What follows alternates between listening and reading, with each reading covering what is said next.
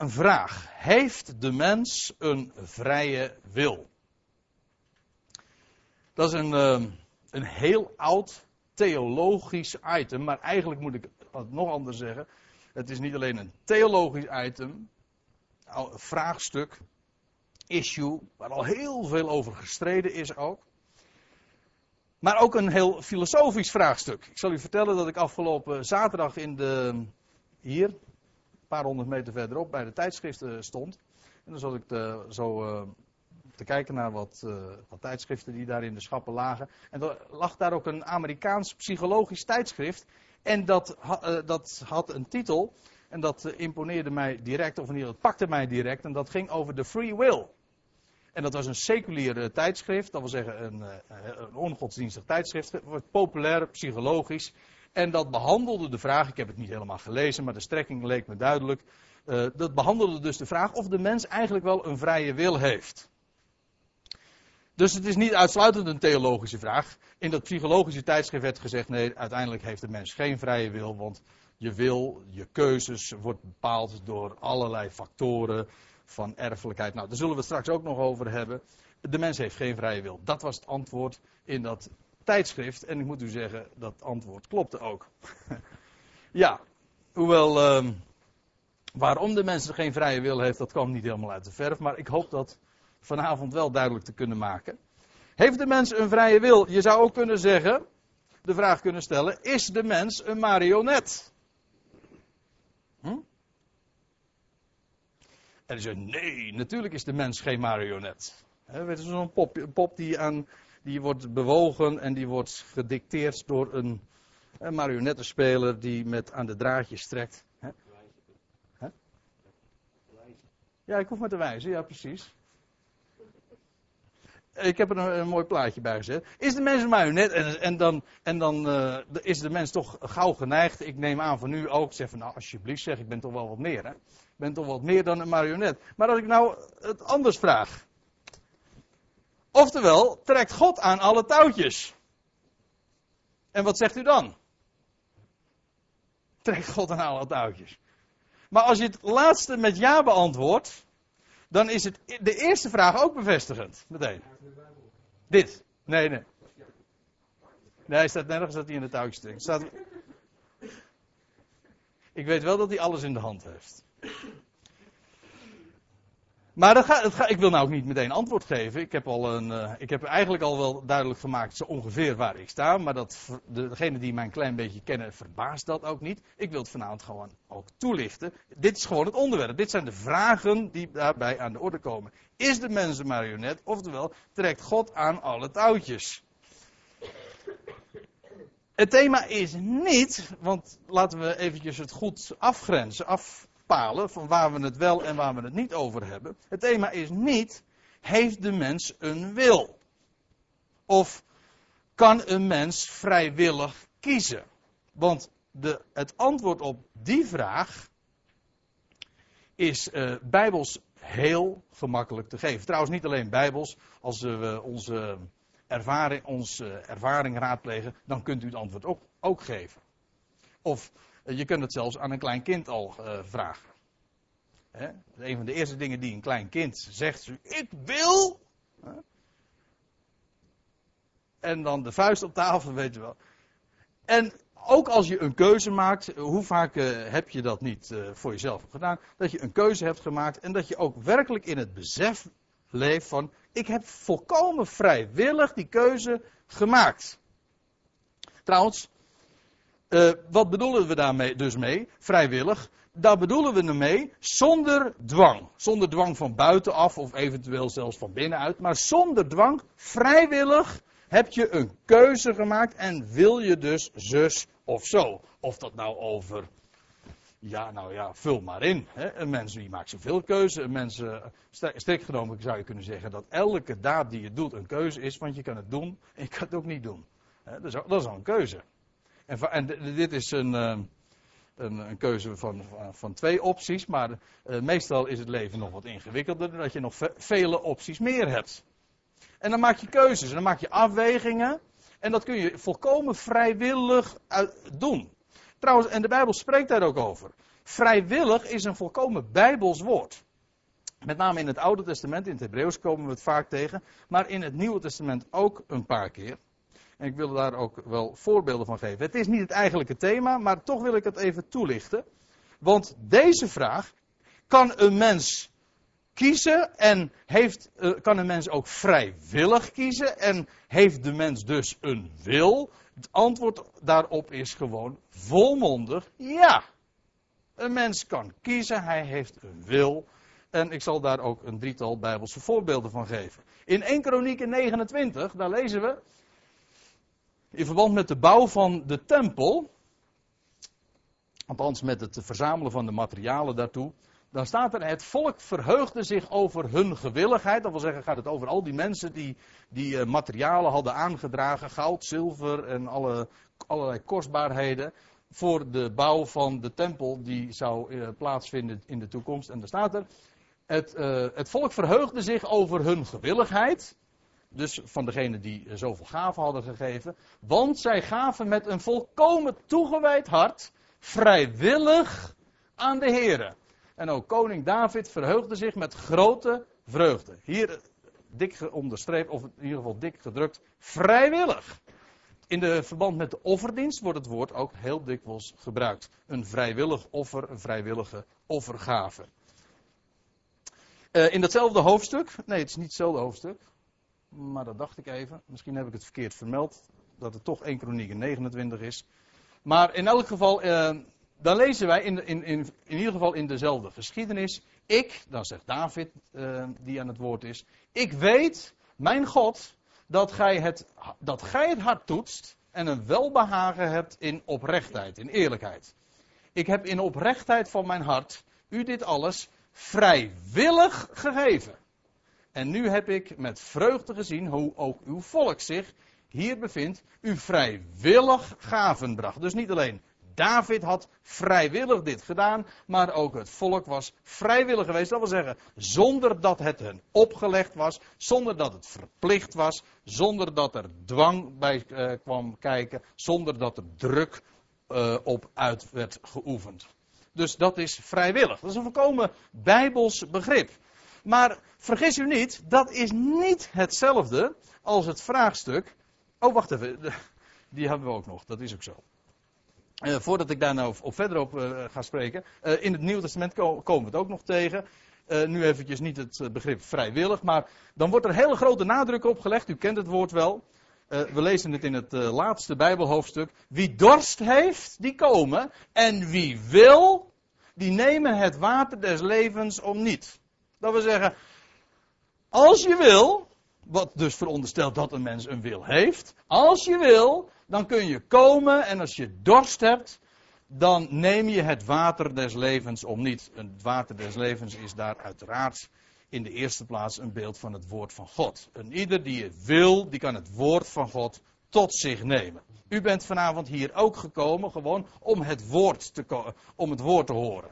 En waarom bent u hier gekomen? Omdat u dat wilde dat daar nog andere factoren een rol spelen, daar wil ik het vanavond over hebben. En dat bepaalt ons direct bij dat onderwerp van de vrije wil. Maar begrijp me goed, en ik wil dat meteen in de aanvang van deze avond heel duidelijk gezegd hebben. Als we dus ontkennen dat een mens een vrije wil heeft, ontkennen we absoluut niet dat een mens een wil heeft. Want dat staat absoluut niet ter discussie. En ook niet dat een mens volkomen vrijwillig, zonder enige dwang, zonder dat het opgelegd is of zo, een keuze kan maken. Integendeel, de Bijbel staat er boordevol van. Ik geef hier drie voorbeelden, maar ik had er tientallen, zo niet honderden voorbeelden van kunnen geven. Staat niet ter discussie. Heeft ook niets te maken met het vraagstuk waar we het over hebben. Want met die vrije wil wordt namelijk iets anders bedoeld. De leer van de vrije wil, wil niet, uh, probeert niet uit te drukken dat een mens een keuze kan maken. Of dat hij vrijwillig iets kan doen. Nee, met de leer van de vrije wil, dat houdt in. Die, die leert God heeft de mens een vrije wil gegeven, zodat deze onafhankelijk van God kan denken, kiezen en willen. God, dat de leer van de vrije wil zegt, God bepaalt en beschikt niet de wil van een mens. Dat wil zeggen, u bent hier vanavond gekomen om, omdat u het woord wil horen. Ik neem aan dat dat tenminste de reden is dat u hier vanavond bent. Dat is uw wil. Maar de leer van de vrije wil zegt, dat hebt u gekozen. Daar heeft God geen invloed op gehad. Dat heeft God niet bepaald. En God beschikt, beschikt dat ook niet. Want u bent vrij. U bent onafhankelijk. God, God uh, laat uw wil helemaal vrij. En hij dwingt u niet. Dat, dat, leert de Bijbel trouwens ook helemaal. God heeft helemaal geen dwang nodig. Maar de leer van de vrije wil zegt. Uh, de, de, de, de, de wil van de mens is vrij. Dat wil zeggen onafhankelijk van God. En dus kan de mens een koers varen die volkomen los staat van God. En die feitelijk ook Gods planning. Zo zal men het trouwens niet formuleren. Want dat loopt wel erg in de gaten. Maar het komt erop neer dat als een mens een vrije wil heeft. Waarover God niet beschikt en die God ook niet bepaalt. Dan kan de mens dus uiteindelijk heel Gods planning in de war schoppen. Daar komt het op neer. Want dan kan een mens dingen doen ja, die God niet gepland heeft. Want God beschikt daar per slotverrekening niet over. Het plaatst de mens wel degelijk op een voetstuk. Want dan ben je feitelijk zelf je eigen God geworden. Daar komt het eigenlijk op neer. Dat is dus de leer van de vrije wil. De leer van de vrije wil zegt dat God niet de wil van een mens bepaalt, en ook niet over beschikt. Dat is de leer van de vrije wil. En in vele uh, kringen, in de, in de godsdiensten in de wereld in het algemeen, maar ook in de christelijke wereld, wordt dit officieel ook geleerd. De remonstranten stonden er bekend om. De Dordtse leerregels zijn er onder andere ook tegen geschreven, tegen die opvatting van die vrije wil. En maar ik zal u dit vertellen, dat als je in een standaard, in een gewone een gewone evangelische gemeente vandaag binnenstapt, dan zul je hetzelfde verhaal horen. Daar, leer je, daar krijg je ook te horen dat de mens een vrije wil heeft. En dat de mens uh, dus eigenlijk gewoon zijn eigen lot beschikt. Ja, dan voel ik me meteen, als ik het zo zeg, dan voel ik me veel meer thuis bij dat lied van, uh, van Jacqueline van der Waals. Kent u dat lied? Ja, u kunt zeker. Hè? Nee, dat is dat lied van. Uh, uh, dat, er komt op een gegeven moment die de regels in voor. Uh, laat mij niet mijn lot beslissen, zo ik mocht, ik durfde niet. Ach, hoe zou ik mij vergissen als gij mij de keuze liet? Ja, dat is een heel mooi antwoord. Maar ik wil vanavond het wat uh, bijbels aanpakken. Gewoon, waar, wat zegt de schrift hier nou over? De vraagstelling is dus duidelijk. Hè, over die vrijwilligheid, daar hebben we het niet over. Vrijwilligheid is een volstrekt bijbels begrip. Uh, dat een mens wil, is ook zo klaar als een klontje. Maar dat God niet de wil van de mens zou bepalen en beschikken, dat is de leer van de vrije wil. Dat is onwaar. Ja, met een uitroepteken daarachter en ik wil het u ook vanavond laten zien. Laten we eerst eens eventjes uh, gewoon daar wat uh, over doordenken, voordat we nou ook schriftplaatsen uh, gaan noemen. De wil van de mens wordt in hoofdzaak gevormd door twee factoren. Die, uh, nou, door twee factoren, twee groepen van factoren. In de eerste plaats heb je de, de erfelijkheid. Dat plaatje moet een DNA cel, of hoe heet dat, een DNA-molecuul voorstellen. De erfelijkheid. Dat is de ene groep van, uh, van uh, factoren die uh, de, de wil, de keuze van een mens bepaalt. En aan de andere kant heb je daar de omgeving. Die bepaalt wat, je, wat een mens wil. Dat is, daarvan kun je vele voorbeelden geven. Ik wil, ik wil er wel een paar noemen hoor. In de eerste plaats is, is bepalend je afkomst. Ja, ik heb erachter gezet Adam. Dat vind ik wel uh, de meest sterke. Want als er één is, één figuur is, die zeg maar onze erfelijkheid beïnvloed heeft, dan is dat Adam, wat nogal vrij logisch is, want hij is onze aller stamvader. Ik zal dat trouwens later in de avond uh, nog echt ook expliciet laten zien vanuit uh, de Romeinenbrief. Maar uh, als u Adam even buiten beschouwing wil laten, dan weet u natuurlijk net zo goed dat uw afkomst, uw ouders, uw grootouders in sterke mate, in heel sterke mate, en misschien moet ik het nog wel sterker zeggen, uw karakter heeft bepaald. Ik ben er absoluut zeker van dat, dat hier iedereen die hier zit, uh, heel sterk uh, karakterologisch gestempeld is door zijn, door zijn ouders. En die, zijn en die op hun beurt weer door hun ouders. Maar in elk geval door je afkomst, door je voorgeslacht. Dat heeft je uh, gemaakt wie je bent. Maar dat niet alleen hoor, je afkomst. Wat dacht u van je geslacht? He, heb je daar enige invloed op uitgeoefend? Nou, je kunt tegenwoordig invloed uitoefenen op het geslacht van je kind. Maar uh, op het geslacht van jezelf kan je geen invloed uitoefenen. Hè? Nee, ja, dat wordt tegenwoordig ook weer, dat weet ik wel weer. Maar dat is ingewikkeld en daar zullen we het dus maar niet over hebben. Laten we het even, laten we het even simpel houden. Normaal gesproken, de, je seksen, of je een jongetje of als jongetje of als meisje ter wereld komt, dat uh, bepaalt in niet geringe mate, dat zult u met me eens zijn, je, je gang in het leven. En de keuze ook die je maakt. Of je een jongetje bent, of een meisje, of een man, of een vrouw. Heb u er invloed op, gehad? Nee. Hebt u invloed op, uw afkomst? Nee. Helemaal niet. Het is, dat, is, dat is grappig. Ik heb ooit eens een keertje een, eh, is jaren geleden, een boek gelezen van, uh, van Renate Rubinstein. Ze schreef destijds columns in, in Vrij Nederland. Een Joodse schrijfster. En ehm, die vond het zo onrechtvaardig. Ze zegt, alle zaken die er werkelijk toe doen in het leven. Ik weet niet meer precies hoe ze het formuleerden, maar dit was ongeveer de strekking. alles wat er nou echt toe doet in het leven. In verband met, met, met je hele zijn.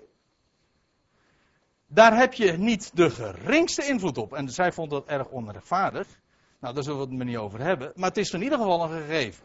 Op je afkomst heb je geen invloed. Op je geslacht al evenmin.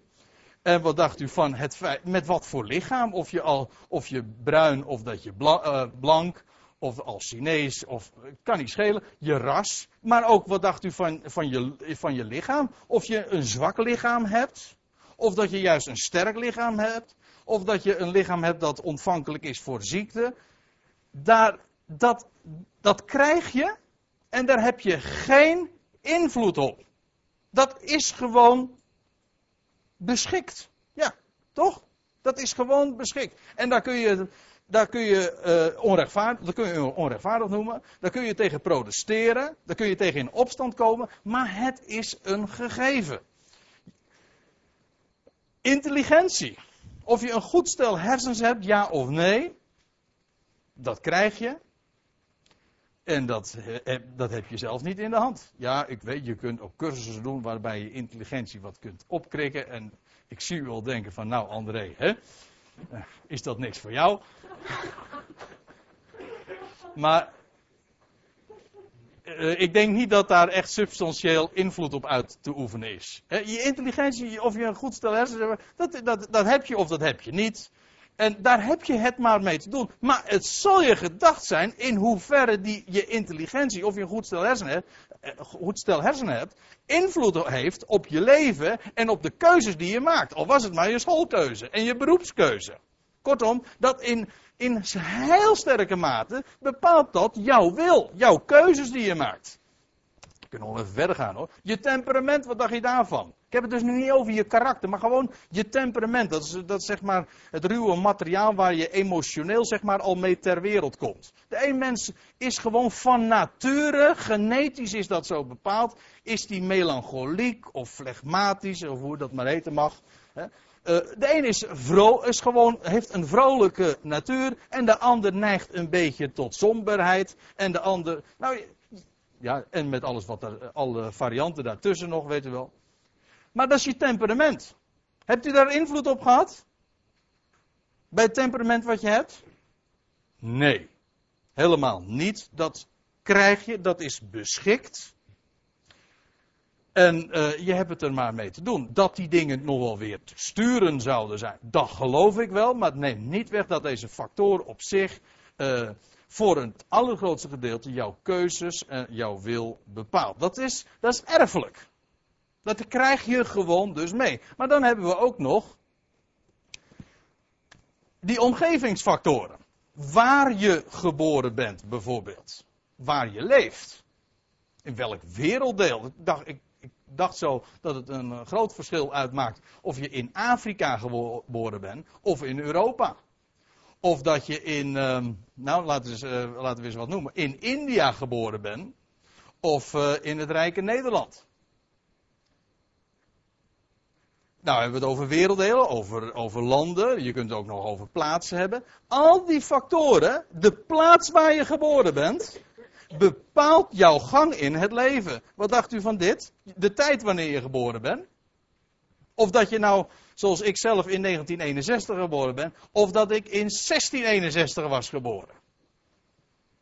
Ik weet zeker dat ik een heel ander leven had geleefd. Ja, dat, had, dat, dat, dat bepaalt je. Dat, dat, of dat is bepalend voor de gang in het leven. Heb je er invloed op? Heb u, hebt u ervoor gekozen om nu te leven? Het antwoord is, het is een domme vraag, dat weet ik wel. Want het antwoord is namelijk zo evident als wat. Het is zo duidelijk als het maar kan. Het antwoord is nee. Maar dat geldt trouwens voor al deze dingen. Al die dingen die hier genoemd worden, die ik op deze, die u nu voor u ziet en die, die ik nog eh, meer ga noemen, daar hebt u geen invloed op.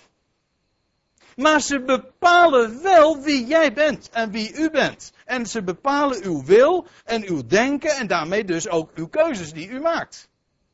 Maar u hebt op al deze factoren geen invloed. Dat is gewoon beschikt. Het milieu waar je in geboren bent. Of je in een rijk milieu geboren bent, of juist arm. Nou, dat maakt ook heel veel verschil. Als je in een rijk milieu geboren wordt, dan heb je vaak heel veel te kiezen. En als je in een arm milieu geboren wordt, dan valt er heel weinig te kiezen. Maar het bepaalt dus wel degelijk je gang in het leven en daarmee dus ook weer je wil. De keuzes die je vervolgens van daaruit dan weer kunt maken. Dan heb ik het eh, nu over, uh, over maatschappelijk milieus, maar wat dacht u van uh, godsdienstig milieu?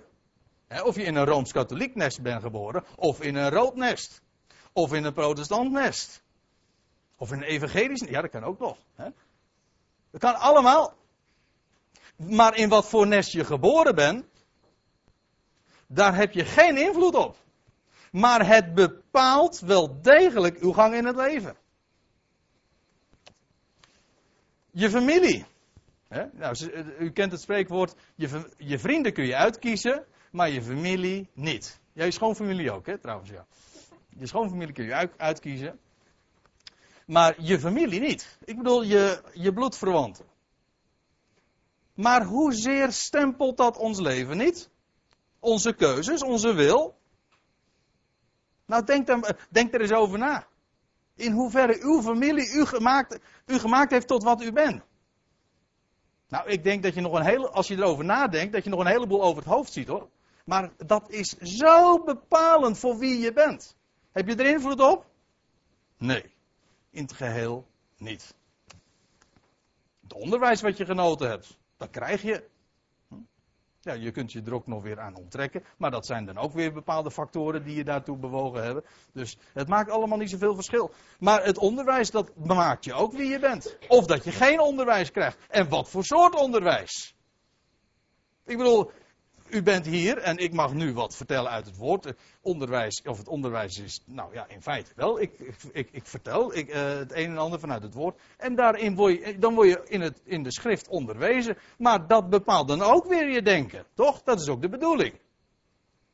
Dat het woord inderdaad ons denken zou gaan bepalen. Maar dan moet je in onderwezen worden. Of je dat nou zelfstandig doet of dat een ander dat doet, dat maakt even geen verschil. Maar het gaat er maar om dat het onderwijs dat je krijgt, jou stuurt. En dat is precies ook de bedoeling van onderwijs, want waarom zou je ander onderwijs willen genieten? Het onderwijs dat je krijgt, dat stuurt je. Maar of het je goed stuurt, of dat het je niet goed stuurt, dat is een groot verschil. Contacten die je hebt. Voor een deel kun je dat uh, zelf kiezen. Maar ik laat, laat ik u dit zeggen, met degene met die op jouw weg komen, Dat stuur je niet. Dat, dat, dat gaat ze. Je ontmoet zomaar iemand. En je ontmoet zomaar iemand. En dat kan je leven zeer drastisch bepalen. He? Niet waar, Petra? je, je ontmoet zomaar iemand. Dat, ja, dat heb je niet gezocht, maar dat, zo gaat dat. Ja, maar het beïnvloedt je, je, de rest van je leven beslissend. En nou, zit nou eventjes, uh, ik knipoog nu naar mijn, eigen vrouw, maar ik heb het niet alleen maar over het huwelijksleven, maar ook in, in, in andere opzichten. Je ontmoet iemand en, en die maakt één kleine opmerking en dat kan je leven een gigantische wending geven.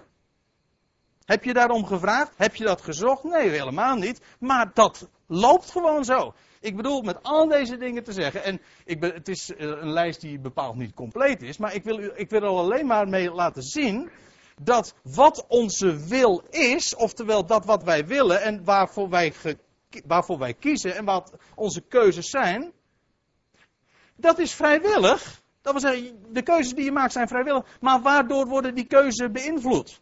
Dat is, dat, hoeft, dat is geen kwestie van dwang, maar dat neemt niet weg dat onze keuzes wel degelijk uh, beïnvloed worden door al die factoren. En dat zijn er, als je ze echt optelt, miljarden. Miljarden factoren die jouw denken en daarmee ook jouw keuze bepalen.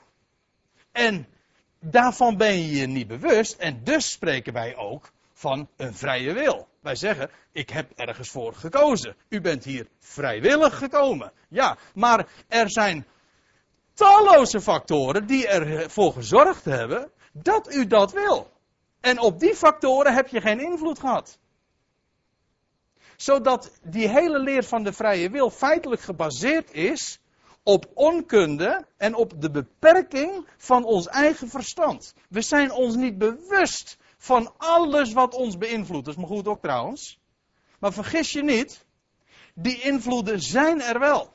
En ik ken één iemand die al deze factoren volkomen in zijn hand heeft. U kent hem hopelijk ook. En al die factoren maken wie u bent. En wie ik ben. Met andere woorden, die vrije wil is een illusie. Wij denken dat we een vrije wil hebben. Maar er is er één die ons gemaakt heeft tot wie we zijn. En eh, als ik zo doe met mijn hand, dan, dan doe ik, dat is alweer een beetje het, uh, het idee van een pottenbakker. Hè, en een stukje klei die die vormt. Nou, dat is precies wat we zijn. Maar daar komen we later op de avond nog over te spreken. Hiermee wilde ik maar laten zien dat de keuzes die u maakt en de wil die, uh, die zo in het, de loop van ons leven gevormd wordt, al bepaald worden door factoren waar wij niet de geringste invloed op uitoefenen. Ze zijn beschikt. Ze zijn voorbeschikt. Ik wil nu naar het hoofdstuk bij uitstek gaan. Daar blijven we niet de hele avond. Ik wil daar in ieder geval voor de pauze wat over vertellen.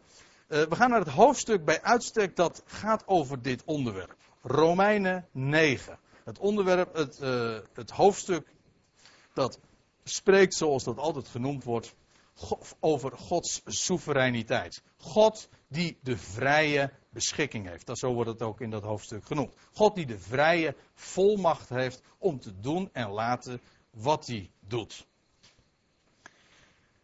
En daar staat in Romeinen 9, in vers 11, het, de aanleiding tot, de, uh, tot Paulus schrijven, laat ik nu even voor wat het is. Het heeft in ieder geval te maken met Israël. Maar dan gaat Paulus op een gegeven ogenblik zijn betoog toespitsen. En dan zegt hij in dat hoofdstuk, vers 11. Want toen de kinderen, en dan heeft hij het over Esau en Jacob. Toen de kinderen nog niet geboren waren. En goed nog kwaad hadden gedaan. En dan zegt Paulus er zo tussen haakjes bij opdat het verkiezend voornemen van God zou blijven. Niet op grond van werken, maar op grond daarvan dat hij riep.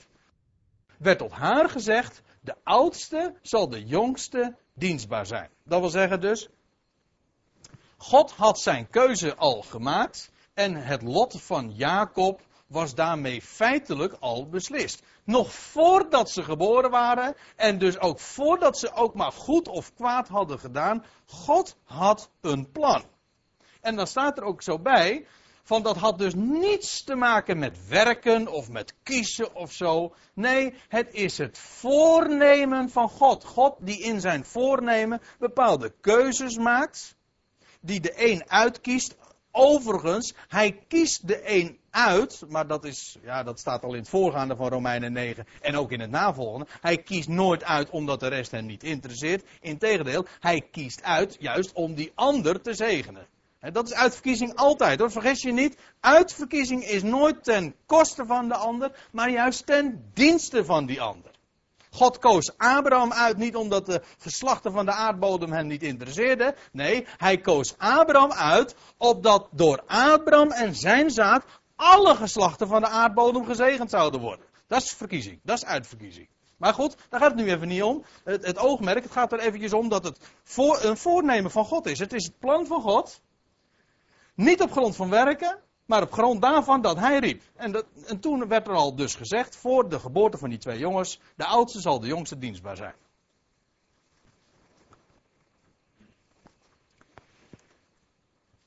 En dan gaat Paulus, het is een aantal versen weer verder, dan gaat hij zeggen, uh, dan stelt hij zelf de vraag eigenlijk, die zijn opponenten hem ongetwijfeld voor de voeten zouden hebben geworpen.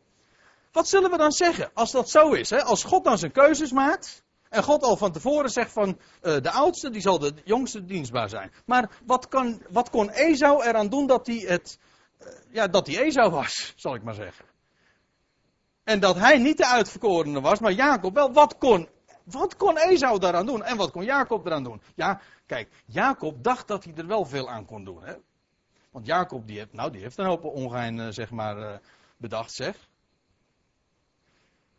Om dat eerstgeboorterecht te verwerven. En God, en de, de grap is, dat vind ik echt een grap. God heeft in wezen door al die slinkse streken ja, zijn eigen belofte vervuld. Dat is waar. Maar dacht u nou werkelijk dat God Jacob nodig had? Nee, Jacob had al die trucjes gewoon in de kast kunnen laten. Hij had ze helemaal niet, hij had ze helemaal niet hoeven uitvoeren, want God had het toch wel gedaan. Maar goed, als dat dan zo is, als Jacob al bij voorbaat de uitverkorene was, en niet Esau, de oudste zou de jongste dienstbaar zijn, dat wil zeggen, de jongste zou dus heersen. Het was, niet, het was niet het eerste, het was de tweede. Dat is, dat is een universeel Bijbels principe. Wat zullen we dan zeggen, is de vraag. Hè? Dat, dat is de vraag die Paulus zelf opwerpt. Wat zullen we zeggen? Zou er onrechtvaardigheid zijn bij God? Is dat onbillijk van God? En het antwoord is, nou, volstrekt niet natuurlijk. Want hij zegt tot Mozes, ik ga gewoon eventjes het uh, betoog volgen. Want hij zegt tot Mozes, nou noemt Paulus weer een andere geschiedenis. Over wie ik mij ontferm, zal ik mij ontfermen. En jegens wie ik barmhartig ben, zal ik barmhartig zijn. Dat is Gods keuze, dat is Gods uh, soevereiniteit, dat is Gods uh, recht ook. Wie ontzegt hem dat? Om dat te doen zoals hij dat doet. Nou, waar het maar om gaat, en dat is dan de conclusie die Paulus trekt. Het hangt dus niet daarvan af of iemand wil. Kijk, nou, daar hadden we het toch over. Over die vrije wil. Hangt het nou af van onze wil? Van onze keuze? Ja, zeggen mensen dan. Daar hangt het gaat er maar om of wij willen. Daar is wat voor te zeggen hoor. Daar kun je Bijbels absoluut hard maken. Maar als je het nou eventjes helemaal tot de kern gaat van het verhaal dan is dit het antwoord hoor. Want je moet, ja, dit is echt het antwoord op het meest fundamentele niveau. Het hangt dus niet daarvan af of iemand wil, dan wel of iemand rent, maar van de ontfermende God. Dat wil zeggen, het hangt, gaat er helemaal niet om of, of een mens goed kiest of slecht kiest, of wil of niet wil, of dat hij loopt. Er staat trouwens eigenlijk rent, dat vond ik eigenlijk ook wel een, een leuke. Er staat rent, hè? En dan krijg je, je kan dat dan ook nog heel poëtisch in dit geval vertalen. Want het hangt niet daarvan af of iemand wil dan wel of iemand rent. Maar van God die zich ontfermt. Alsjeblieft. Dat rijmt, ja. Ja, dat rijmt zeker. Dat is ook dubbelzinnig trouwens. Dus eh, dat denken mensen, hè? Ja, het gaat erom dat je wil en dat je goed je best, dat je rent, weet je wel. Nee, zegt Paulus, daar hangt het niet van af. Het hangt van af van God die zich ontfermt. Trouwens, Romeinen is in, bij, bij uitstek ook het boek dat, of de brief die erover gaat, dat het niet om de mens gaat. En niet om, om, om de werken van de mens, niet om de keuze van de mens, maar van Gods ontferming. God houdt van deze wereld.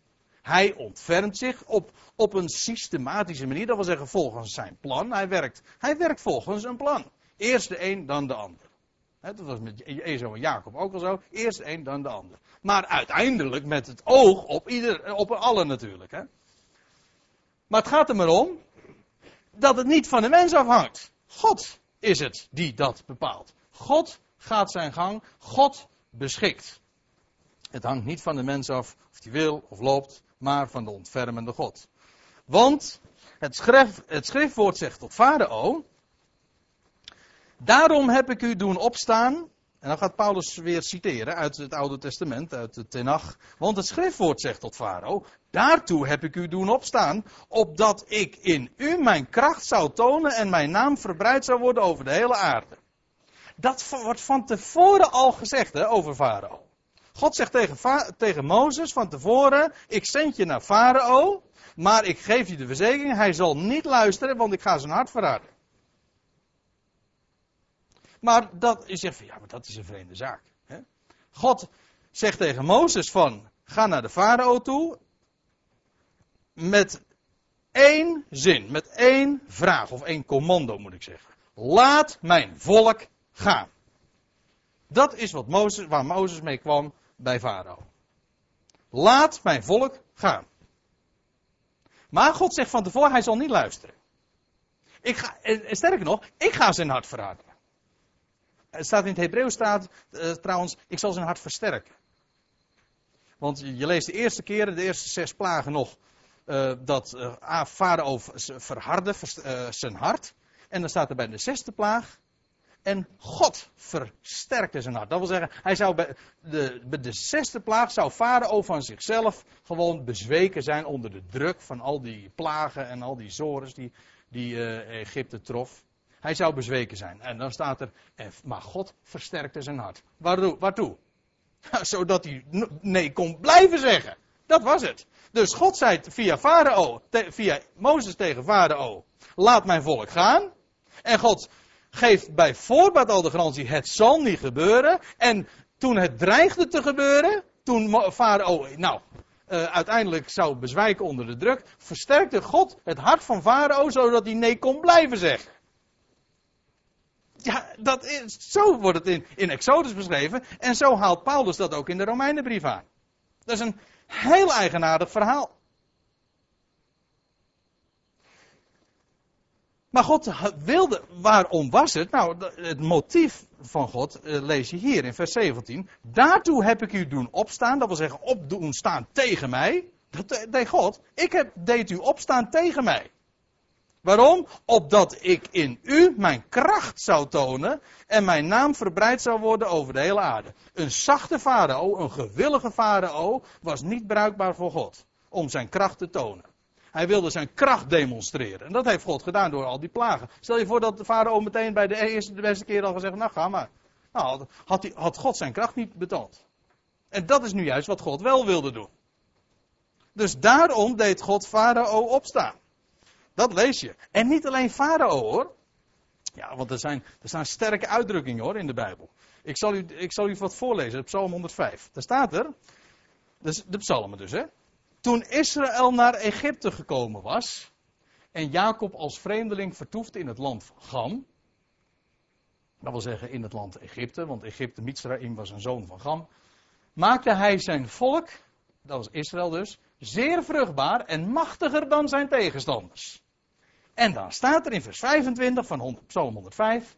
En hij, dus God, veranderde hun harten, dus de harten van de Egyptenaren. Hier gaat het dus niet alleen over de farao, maar het gaat over de harten van de, van de Egyptenaren in het algemeen. Hij veranderde hun harten, zodat zij zijn volk haten en listig handelden tegen zijn volk.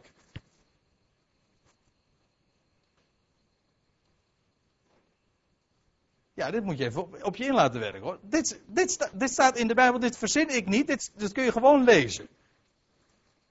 God veranderde de harten van die vader, van, niet alleen van de farao, maar hier lees je dus gewoon van, van, van heel dat volk van de Egyptenaren. Hij veranderde hun harten.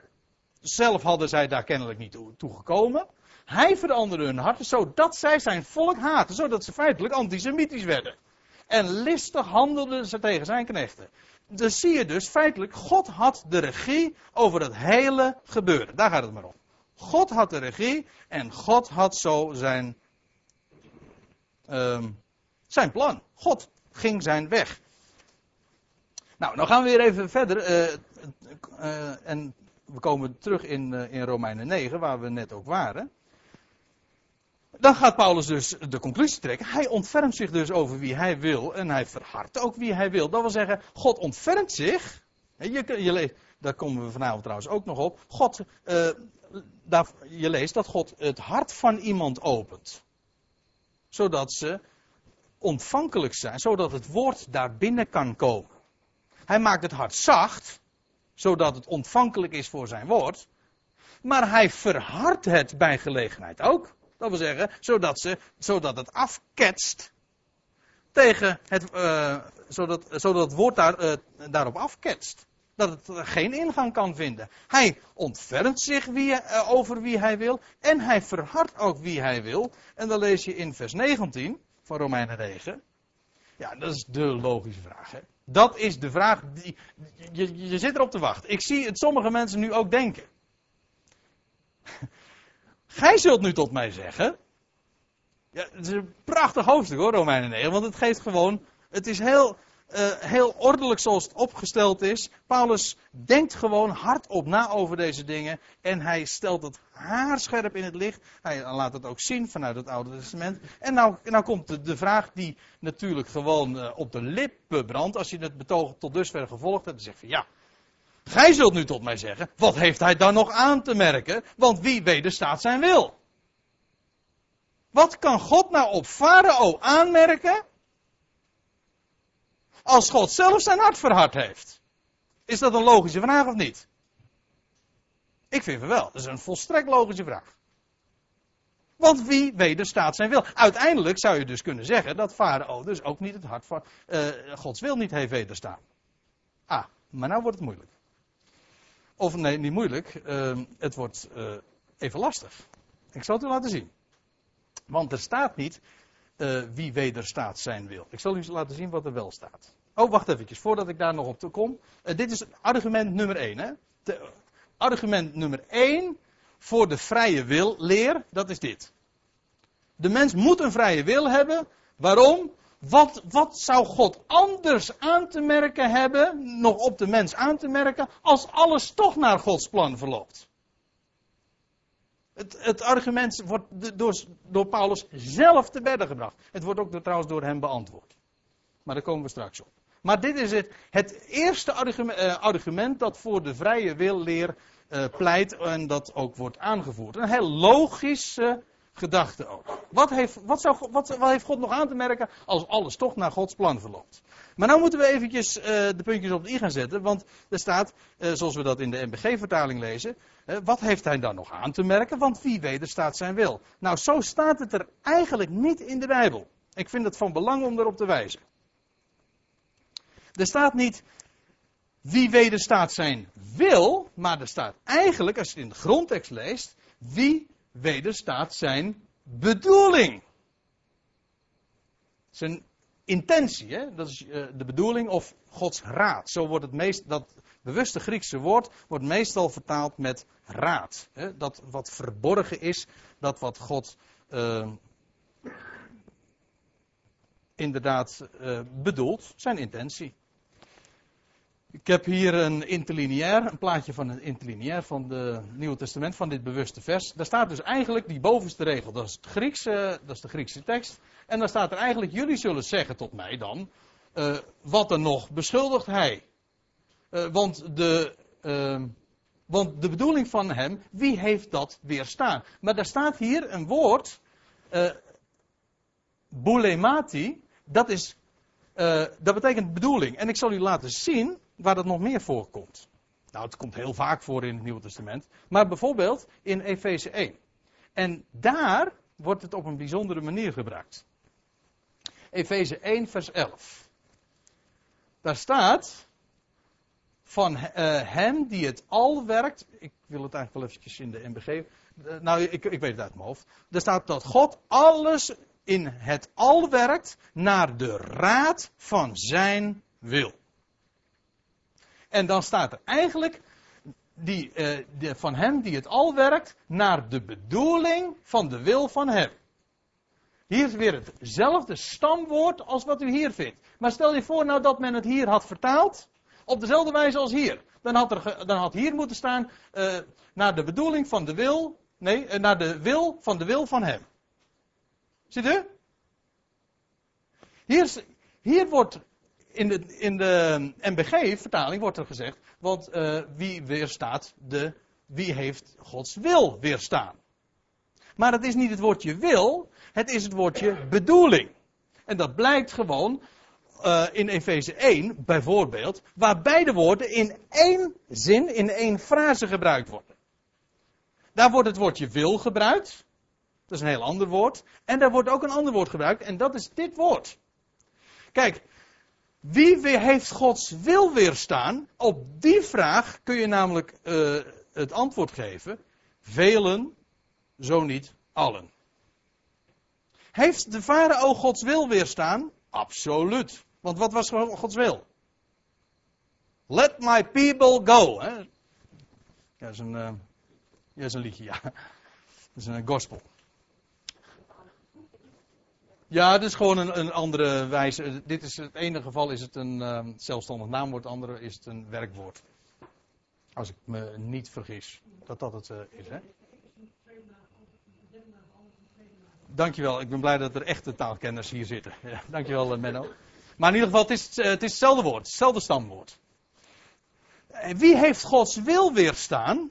Nou, Farao wel degelijk, want Gods wil was, laat mijn volk gaan. Maar heeft de farao Gods bedoeling weerstaan? Nee, ja, die kende hij ook niet. Maar God, Gods bedoeling heeft nooit iemand weerstaan. Dat kan namelijk niet.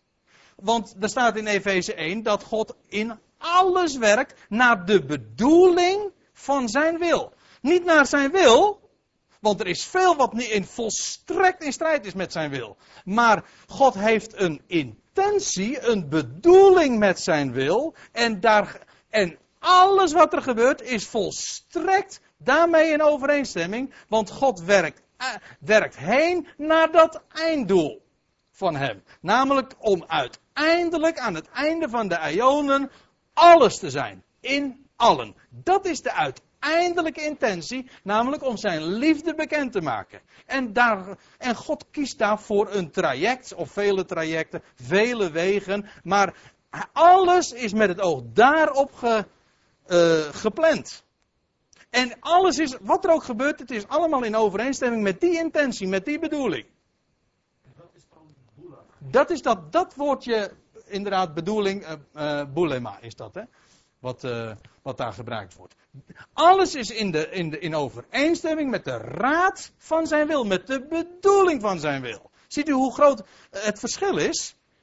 Het, dus het is niet wie heeft zijn wil wederstaan, nee, wie heeft zijn raad weerstaan? Wie heeft zijn bedoeling, zijn intentie weerstaan? Helemaal niemand. Farao weerstond Gods wil, maar niet Gods bedoeling, want God had juist gezegd, daartoe heb ik je laten opstaan. God had een, Gods bedoeling was inderdaad, sorry, dat zeg ik niet, maar dat staat gewoon in de Bijbel, een rebellerende farao die zo deed. En die zei nee. En toen hij wel dreigde te bezwijken, toen heeft God zijn hart verhard, versterkt gemaakt, zodat hij nog een paar plagen uh, nee kon blijven zeggen. Dat moest God iedere keer weer opnieuw doen. Zo, dat is wat er staat. Waarom zou God het anders doen? Maar de vraag blijft niettemin levensgroot staan hoor. Het is van belang om dit onderscheid te zien. Wie heeft, dus, dus niet wie heeft zijn wil weerstaan, maar de, maar de vraag is, wie heeft zijn bedoeling weerstaan? Het antwoord is niemand. Helemaal niemand. Dat kan ook niet. Trouwens, weet, u weet wat er in Spreuken staat. Hè? In Spreuken 16 vers 4, moet je uit je hoofd kennen.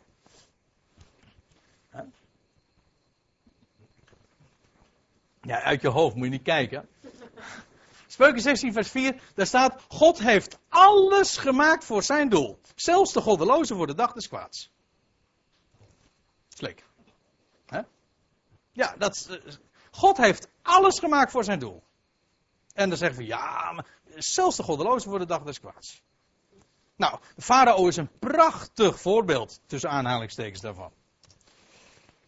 We gaan verder in Paulus, met Paulus' betoog in Romeinen 9, want de vraag blijft natuurlijk staan. Wat is Paulus' antwoord nou op de vraag van, ja, maar wat heeft God dan nog aan te merken? Want wie heeft zijn bedoeling weerstaan? Farao in ieder geval niet. Wat heeft hij dan nog aan te merken? Wat is het antwoord op die vraag? Zal ik het nou, ja, ik, kan, ik kan Bijbel zeggen, ik kan het ook heel parlementair zeggen, ik kan het ook gewoon uh, heel streed, recht toe, recht aan zeggen. Het antwoord komt er gewoon op neer, gaat je niks aan. Ja, dat is eigenlijk wat hier staat hoor. Daar gaat je niks aan. Maar gij, o mens, wie zijt gij? Zo, wie verbeeld je dat je hier bent, man? Wie zijt gij dat gij God zou tegenspreken? En nou, en nou worden we opgevoerd. Nou worden we echt op ons plaats gezet. Hè? Zal het geboetseerde soms tot zijn boetseerder zeggen: Waarom hebt gij mij zo gemaakt? Dat is toch te belachelijk? Wat heeft, wat heeft zo'n stukje klei, een klein poppetje nou. Dat is, dat is een belachelijke vertoning, hè? Je, je, hebt tegenwoordig op televisie satire, hè? Met, met kleipoppetjes. U kent dat, hè? ja, er is een heleboel over te doen geweest uh, enige maanden terug. Over die kleipoppetjes je kunt zelfs een kleipoppetje, want ook de koninklijke familie blijkt, uh, blijkt te bestaan uit kleipoppetjes. Ja, maar dat is wel leuk, want dat, is, dat geeft iets lachwekkends, ja. Maar uiteindelijk is dat inderdaad wat wij zijn. Kijk, je kunt natuurlijk zeggen, wij zijn buitengewoon kostbaar voor God. We zijn werk van zijn handen dat is allemaal tot je dienst, maar je kunt het natuurlijk ook van de andere kant benaderen. Eventjes relatief beschouwd. Hè? Gewoon, wat zijn wij ten opzichte van hem? Nou, dan is de verhouding kleipoppetje en boetseerder. Dat, zijn, dat is de verhouding. En wat bepaalt zo'n kleipoppetje nou zelf? Nou, helemaal niks. Een kleipoppetje wordt gewoon gevormd. Hij is leidend voorwerp. En die boetseerder gaat zijn gang. En geloof nou maar, en dat is wat Paulus in, die, in de Romeinenbrief ook schitterend naar voren brengt en uiteenzet. Dat, de, dat God iets machtig voornemens is. En hij gaat een weg waar we natuurlijk niets van begrijpen. En mensen zeggen, hoe kan die het doen? Wat heeft hij nog aan te merken? Hoe kan God zich het zo permitteren? En God geeft helemaal geen antwoord. Dat is, ook de, dat is wat er in, Roma, in het boekje op ook staat.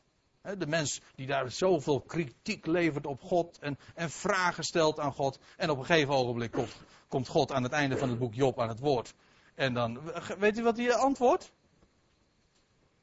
Hij antwoordt niet. Nee, hij antwoordt niet. Hij stelt, hij stelt allemaal vragen. En hij zegt van, waar was je nou toen ik de hemelen maakte? Waar was je nou? toen ik de fundamenten van de aarde neerlegde, een paar hoofdstukken achter elkaar, gaat het over de, over de, de wonderen van de schepping.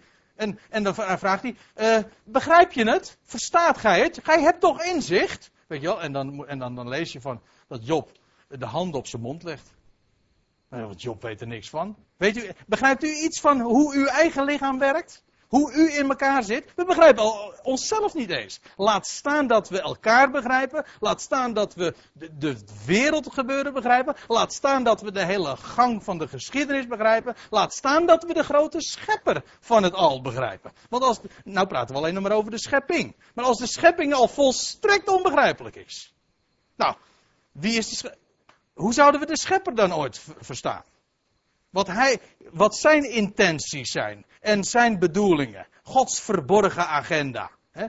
Want, God, want God houdt ook altijd nog uh, uh, zijn geheim hoor. U weet het, het is Gods eer een zaak te verbergen. En hij, hij, hij, hij, raadpleegt de mens niet. Kom nou, hij gaat zijn weg. En dat is een geweldige weg. En dat is ook een onbegrijpelijke weg en ondoorgrondelijk. En daar begrijpen we niks van. Maar het is uit de kunst. Dat zal blijken. Maar in ieder geval, waar het maar om gaat, en dat is wat eh, Paulus hier zegt. Wie zijt gij dat ge God zou tegenspreken? Zal het geboetseerde soms tot zijn boetseerde zeggen: Waarom hebt u me zo gemaakt? En dan gaat Paulus nog verder hoor. Ja, wacht eventjes. Uh, dit, is, dit is het tweede argument. Hè? Dit, is wat, uh, dit is wat altijd opgevoerd wordt als de, het, de, het tweede punt voor de vrije wil. Het eerste punt was van, ja, maar wat heeft God nog aan te merken als, als God, als toch alles in overeenstemming met zijn plan uh, verloopt. En het tweede is, ja, maar dat zou, dan zou de mens alleen maar een kleipoppetje zijn. Hè? Of een marionet. Of een robot. Nou, uh, die marionet en die robot is niet zo bijbels. Ik geef het rijtje graag toe. Maar dat van dat kleipoppetje is toch echt een bijbels verhaal hoor. Dat is precies namelijk wat de mens is. En weet u wat Paulus dan vervolgens nog zegt? En dan, uh, dan laten we het eventjes hierbij. Dan gaan we pauzeren. Paulus uh, ligt dat nog nader toe. Hij zegt, of heeft de pottenbakker niet de vrije beschikking? We hadden het over de vrije wil. Hè? Weet u wie er een vrije wil heeft? God. Die volstrekt onafhankelijk is van wat dan ook. Kijk, onze, onze wil wordt beïnvloed door alle, alle mogelijke factoren om ons heen en in onze eigen erfelijkheid. daardoor wordt onze wil gemaakt tot wat het is. Gods wil niet.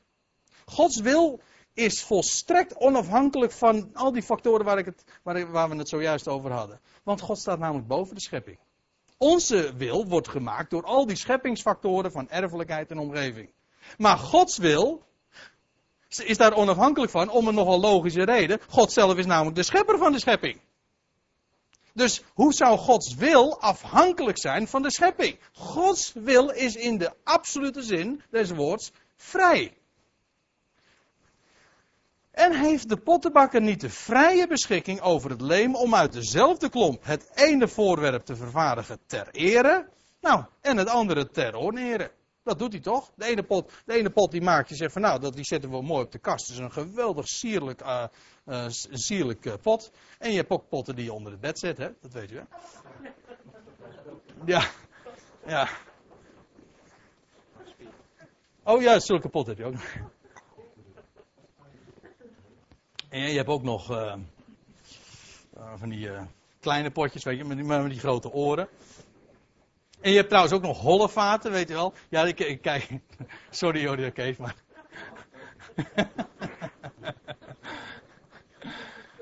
ja. Die klinkt altijd erg hard, ja. Ja, maar de, al soort vaten heb je. En, maar je hebt vaten ter ere. Een, pot, een pottenbakker die maakt gewoon een vat ter ere en een, een vat ter onere. En zo'n zo'n vat ter onere die heeft.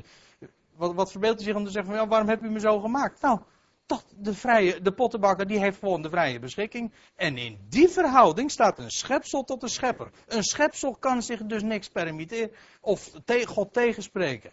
En weet u wat ik nou het allermooiste vind? Want dit, dit, deze, dit Romeinen 9, dat is echt het laatste wat ik zeg voor de pauze. Uh, dit Romeinen 9 is in de loop der eeuwen opgevoerd. Uh, ook in het Calvinisme. En dat heeft een hele kwalijke rol gespeeld. Niet Romeinen 9, maar ik bedoel de wijze waarop het gebruikt is. Waarom? Omdat dit helemaal losgekoppeld is van Gods liefde en Gods voornemen om de ganse schepping inderdaad te vervullen met zijn heerlijkheid en om elk schepsel zijn liefde bekend te maken. Waar de Romeinenbrief over gaat. Als je dit als je dat daar niet, als je dat niet ziet en met, met Calvinistische ogen zeg maar Romeinen 9 leest, dan krijg je het verhaal van, nou ja, eh, het verhaal van de predestinatie. Predestinatie is trouwens voorbestemming en daar is niks mis mee. Dat is wat de schrift leert. Maar dan krijg je het verhaal van, nou ja, God heeft uh, de een voorbeschikt voor de hemel en de ander mens heeft hij voorbeschikt eindeloos om in de hel te branden. Jacob heb ik lief gehad, Ezo heb ik gehad. Dat is dramatisch. Als je dat idee hebt van, van, van God. Het, het is een bijbelse gedachte dat voor God beschikt en voorbeschikt. En dat God een pottenbakker is en een schepper is die volkomen de vrije beschikking heeft om zijn gang te gaan. En dat doet hij ook. Maar God heeft, en, maar daar gaan we het straks na de pauze ook nog over hebben. God heeft iets magnifieks op het oog. Namelijk om uiteindelijk, ook via die vaten ter onere, bijvoorbeeld de farao, en Esau of wie dan ook, om uiteindelijk zelfs die vaten ter onere allemaal, um, zoals dat in Romeinen 11 dan staat, hij heeft alle besloten onder de ongehoorzaamheid om zich over, uiteindelijk over allen te ontfermen. Maar daar komen we straks over te spreken en ik stel voor dat we eerst nu een kopje koffie gaan drinken.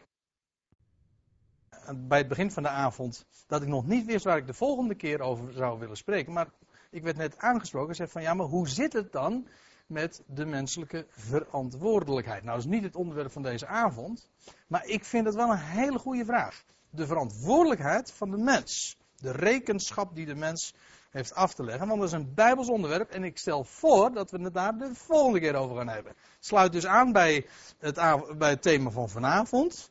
Maar het is de andere zijde zeg maar, van de medaille. Vanavond hebben we dus over die zogenoemde vrije wil, die een illusie blijkt. Ja, dus dan weet u waar we het de volgende keer ook over gaan hebben. U ziet hier een schriftgedeelte, een vers geprojecteerd. Spreuken 16, vers 9. Naar aanleiding van dit vers uh, kennen wij allemaal wel, denk ik, het spreekwoord. Nou, welke zou dat zijn? Het hart des mensen, het hart des mensen overdenkt zijn weg. Maar de Heere bestuurt zijn gang. Nou, ik moet het waarschijnlijk de klemtoon nog iets anders leggen. De Heer, de, het hart des mensen overdenkt zijn weg. Maar de Heere bestuurt zijn gang. De mens wikt, God beschikt. Kijk, zo is, nou, dat is een, een spreekwoord dat nou perfect eigenlijk aangeeft wat ik vanavond probeer duidelijk te maken. De mens wikt, denkt, kiest, maar God beschikt. En zelfs dat wat de mens wikt, beschikt God. Ja, dat is het doordenkertje. Dus zelfs wat u wikt, dat beschikt God. En wat hebben we dan van onszelf? Dat is dan vervolgens de vraag. Antwoord: niets. Lege briefjes. Lege briefjes, ja. Ja, dat is, het, dat is het inderdaad. En ik moet zeggen, ik vind dat wel alles. Ik vind dat, ik, alles, ik vind dat ook prachtig hoor. En eh, als de mens dus niks is, kan God. Als, het, als straks de mens niks is, dan kan God alles worden. In ons allen.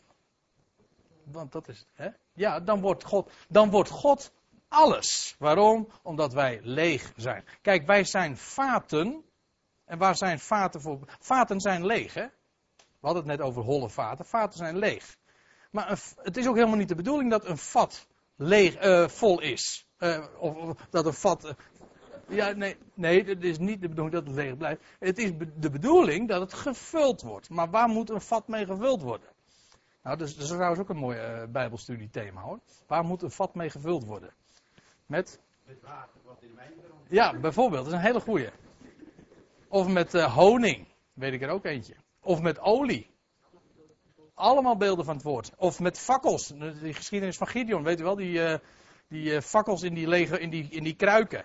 En die kruiken werden stuk gemaakt. Want het ging namelijk niet om die kruiken. Dat denken wij. Hè? Wij denken dat het om, die, om, dat, om, dat, om dat vat gaat. Nee, die, vat, die vaten worden stuk gemaakt.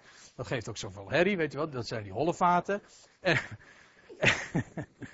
En, dan komt, en wat, wat uh, komt er dan vrij? Het was, het was donker namelijk toen. Licht. Nou, dat is ook weer het woord. Want al, altijd die vaten die worden gevuld met het woord. Oftewel met de Heer zelf. Want het woord is God. Het hart des mensen overdenkt zijn weg, maar de Heere bestuurt zijn gang. De mens wikt, God beschikt. Uh, in spreuken vinden we trouwens heel wat van dat soort uh, uitspraken hoor. Van die wijze uitspraken. Spreuken 21. Trouwens, twee achter elkaar. In vers. Oh, moet wel uh, doorgaan. in Spreuken 21, vers 1. Het hart van de mens, pardon, het hart van de koning is in de hand des Heren als waterbeken. Hij leidt het overal heen waar het hem behaagt. Dat vind ik ook zo mooi. Het notabene de hoogste persoon van het land, de koning, zelfs diens hart is in de hand des heren als waterbeek. Dat wil zeggen, een waterstroompje als de heer wil dat het zo gaat, dan zorgt hij ervoor dat het zo gaat. Zo, zoals een kind zeg maar met wat water zit te spelen en een stroompje water uh, moet niet daarheen gaan, moet daarna gaan. Een kind die doet dat zo eventjes, weet je wel, met zand en spelen. Nou, zo is de, het hart van de koning in de hand des heren als waterbeker. Als een waterstroompje. Hij leidt het overal heen waar het hem behaagt. Daar is, die hoeft die koning zich niet van bewust te zijn hoor. Farao was zich er ook niet bewust van. En dan kan ik er nog wel een paar voorbeelden van. Of die farao die niet kon, uh, of die, weet je wel, die een, een, droom kreeg. Of wat dacht u van die koning die niet kon slapen? Ja, en doordat hij niet de slaap kon vatten, liet hij maar zich voorlezen uit, uh, oude, uit uh, hele saaie archieven. Dat, dat heeft een goede reden trouwens, hè? Dat, want, weet je dat? Ja, dan val je in slaap, precies. Ja. Als je hele saaie boeken laat voorlezen, dan val je gauw in slaap. Als je, als je, je moet nooit, als je niet in slaap kan vallen, dan moet je natuurlijk geen spannend boek lezen. Oh goed, dat doet, doet nu even niet de zaken. Maar in ieder geval, daardoor, doordat de, doordat de koning Ahosveros, was het die? Uh, ja. ja die, die liet toen, omdat hij de slaap toevallig niet kon vatten. Hè, toevallig, wat heet. Hij kon toevallig de slaap niet vatten. Laten voorlezen. En dan ineens uh, komt een bepaalde geschiedenis boven, een bepaald persoon. En nou, daardoor, doordat die koning een keertje niet kon slapen, krijgt hij iets voorgelezen. Toevallig, het hangt van toevalligheden achter elkaar, aan elkaar. Maar daardoor wordt de geschiedenis van het hele boek Esther bepaald. Door zo zulke futiele gebeurtenissen. Het hart van de koning is in de hand des heren als waterbeker. Hij leidt het overal heen waar het hem behaagt. Zelfs het hart van de koning. En zeker dus ons hart. Dat is geen kunst. Dat is God. Vind ik erg mooi. Trouwens, het vers daarop is ook erg mooi. Hoewel dat in de meeste vertalingen niet echt uit de verf komt. Maar er staat gewoon vervolgens. En elke weg van de mens is recht in zijn ogen. Maar de Heere beproeft de harten. Eigenlijk staat in de Concordant Version staat regulate. Dat wil zeggen, maar de Heere reguleert of bestuurt de harten. Dus eigenlijk dezelfde, dezelfde waarheid als ook het voorgaande vers. De, elke, de, mens, uh, de weg van de mens is recht in zijn ogen. Iedereen, ieder mens denkt altijd dat hij het goede doet. Hè? Ja, echt waar. Elk mens denkt altijd, wat hij ook doet. Um, zelfs als, al, al weet hij dat het niet goed is, dan nog zal hij het goed proberen te praten. Altijd. Want je hebt altijd namelijk jouw redenen, die een ander niet kent en die een ander niet begrijpt, maar jij wel. En elke weg van een mens is recht in zijn ogen. Vind ik als, alleen dat, zo'n uitspraak, vind ik al zo een, een, kei van een statement. Dat is echt waar. Elk mens denkt dat, van, van wat hij doet. Ga dat voor jezelf maar eens na. Maar de Heere reguleert de harten. Alsjeblieft. Ja, in Jesaja 40 komt ditzelfde woord, wat hier vertaald wordt met beproeven, uh, ook voor. En daar wordt het vertaald met besturen. Moet u het maar eens nakijken. Ik uh, noem het hier en dan kunt u het zelf thuis nog eens een keertje zien of dat klopt. Ik, eh, wat ik nu na de pauze doe, is gewoon een heel aantal schriftplaatsen. Ik ben niet volledig, maar ik noem u een heleboel schriftplaatsen waarin die waarheid gewoon naar voren gebracht wordt. Dat God inderdaad beschikt. Een mens wikt, God beschikt. In Jeremia staat, ik weet, o heren, dat zegt Jeremia zelf, dat het niet aan de mens staat zijn weg te kiezen. Nog aan een man om te gaan en zijn schreden te richten. Dat wil zeggen, het is niet een mens die dat doet. Ja, de mens wikt daar wel over, maar God beschikt. En niet de man en niet de mens die dat misschien wel van zichzelf verbeeldt. Dat is niet zo. Trouwens, u weet ook dat wat je ook plant, het gaat toch anders. Dat, dat, weet toch iedereen, daar hoef je helemaal geen gelovige te zijn, voor te zijn. Ik las ooit eens een keertje zo'n interview met, uh, met die uh, directeur van, uh, van, van de Valk Concern, Gerrit van der Valk. Dat is ook zo'n zo'n lekkere, nuchtere man. maar die zei, nee, ik maak me nooit zorgen. Nou, dat, is een, dat, is, dat is heel verstandig. Hij zei, ik maak me nooit zorgen. Nou, denkt u dat hij iets vrooms ging zeggen? Dat zei hij niet. Maar hij zei wel een waarheid als een koe. Hij zegt, ik maak me nooit zorgen. Hij zegt, het loopt toch namelijk anders. ja, Nou, dat, dat vind ik een hele wijze uitspraak. Dat, heeft geen zin. Het is ook, de heer Jezus zegt het ook al. Denk je dat je nou door bezorgd te zijn een L aan je levenslengte kan toevoegen? Natuurlijk niet. Integendeel, het werkt contraproductief. Maar goed, we zullen het verder niet over zorgen maken hebben. Uh, in elk geval, uh, dat heeft geen zin. En een mens kan wel iets plannen, maar het gaat toch anders. En een mens kan hele grote woorden hebben en er hoeft maar dit te gebeuren. En er wordt een totaal uh, een wending aangegeven. En dat kunnen hele futiele dingen zijn. En een mens kan van alles plannen. Dat ga ik doen. U weet het toch, hè, van wat er in Jacobus staat. Morgen gaan we, gaan we dat ondernemen. Nou, niet zo'n grote mond hoor, zegt Jacobus. Zeg nou maar gewoon, zo de Heere wil en wij leven. Deo volente. Want je weet niet eens of je er morgen nog bent. Ik weet niet eens of, of ik er over een minuut nog hier sta. Ja, we vermoeden van wel, en ik, daar, gaat het, gaat het nu niet om. Maar ik bedoel, ik weet niets. Hè? Wat zeg je, Dick? Ja. Ja, nou. Ja, lach er maar om.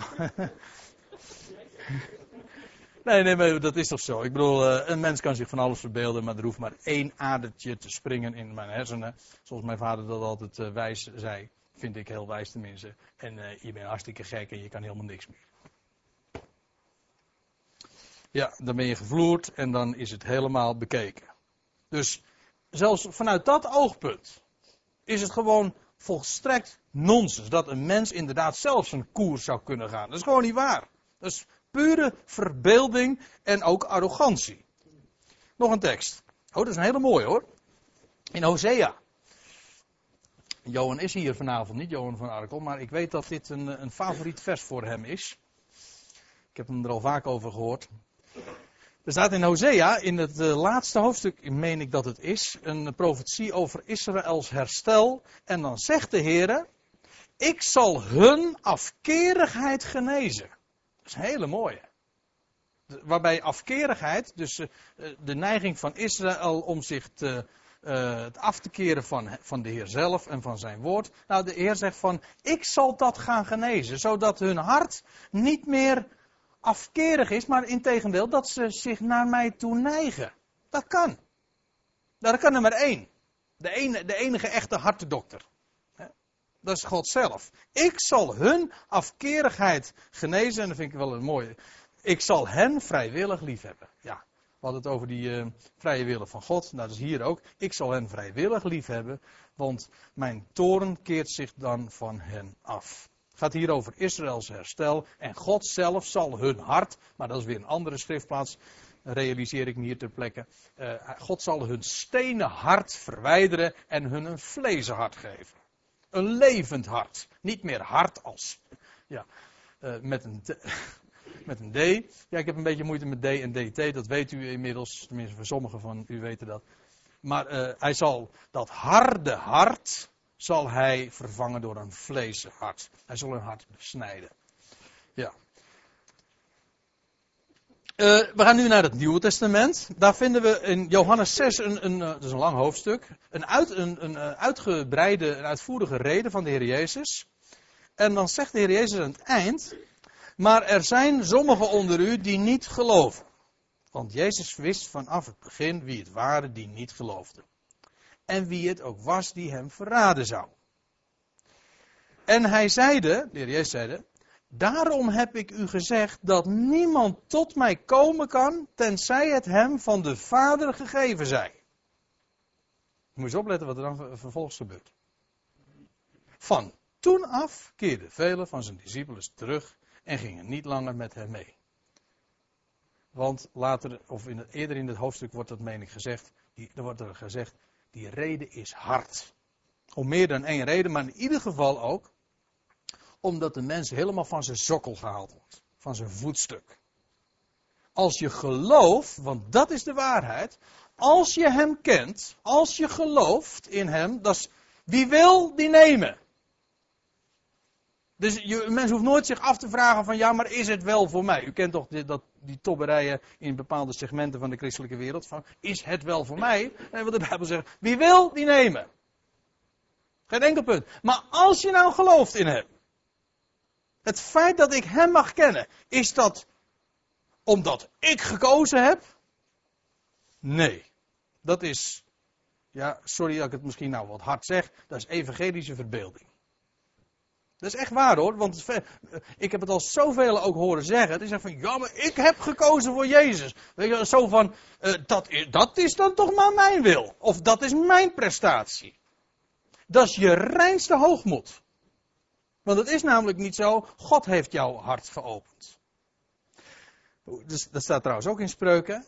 Het oog dat ziet, het oor dat hoort, beide heeft de Heer gemaakt. En dat is letterlijk zo. Ik bedoel, fysiek. Maar mentaal of geestelijk net zo. Als mijn oog, mijn geestelijk oog, het oog van mijn hart, ziet dingen, de, de rijkdom van zijn woord. En als ik gehoor geef aan zijn woord. Ja, natuurlijk. Dat is mooi. Maar het oog dat ziet, het oor dat hoort, beide heeft de Heer gemaakt.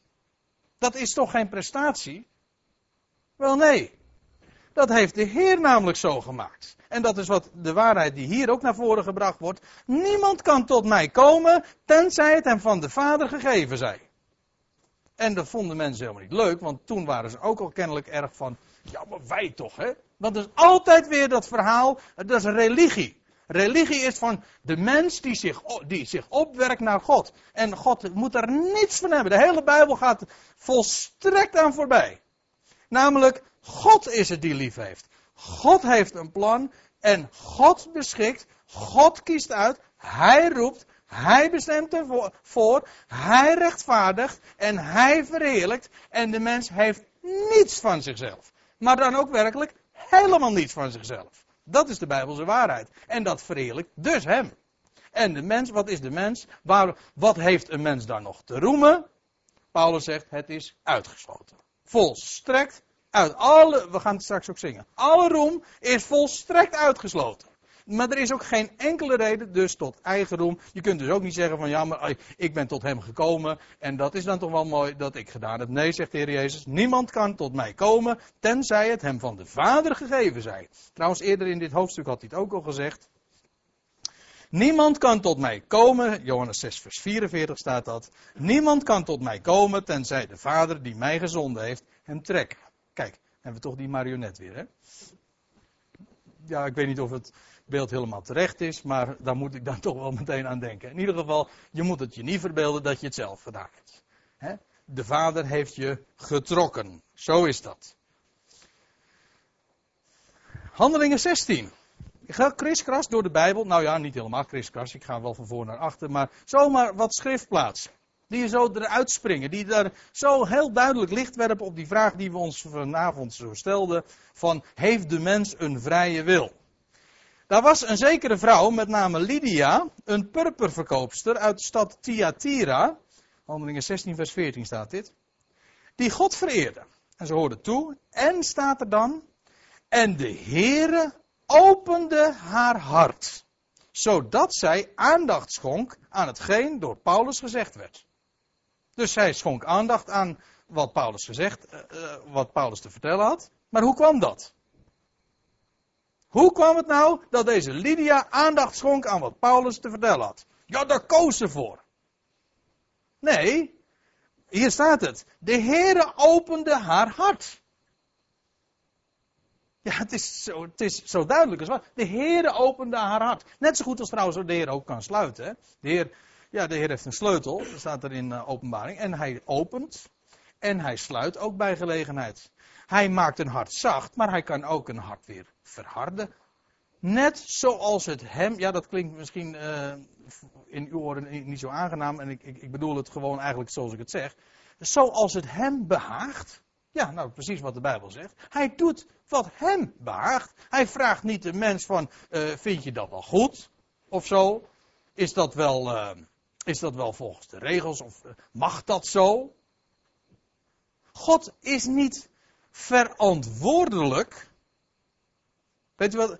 Kijk, want zo wordt het vaak uh, naar voren gebracht. Misschien dat we de volgende keer daar ook nog wel over te spreken komen. Maar het is dus niet zo dat God verantwoordelijk is. Ik hou niet van, van dat woord. En het is ook niet terecht. Want wat betekent verantwoordelijk?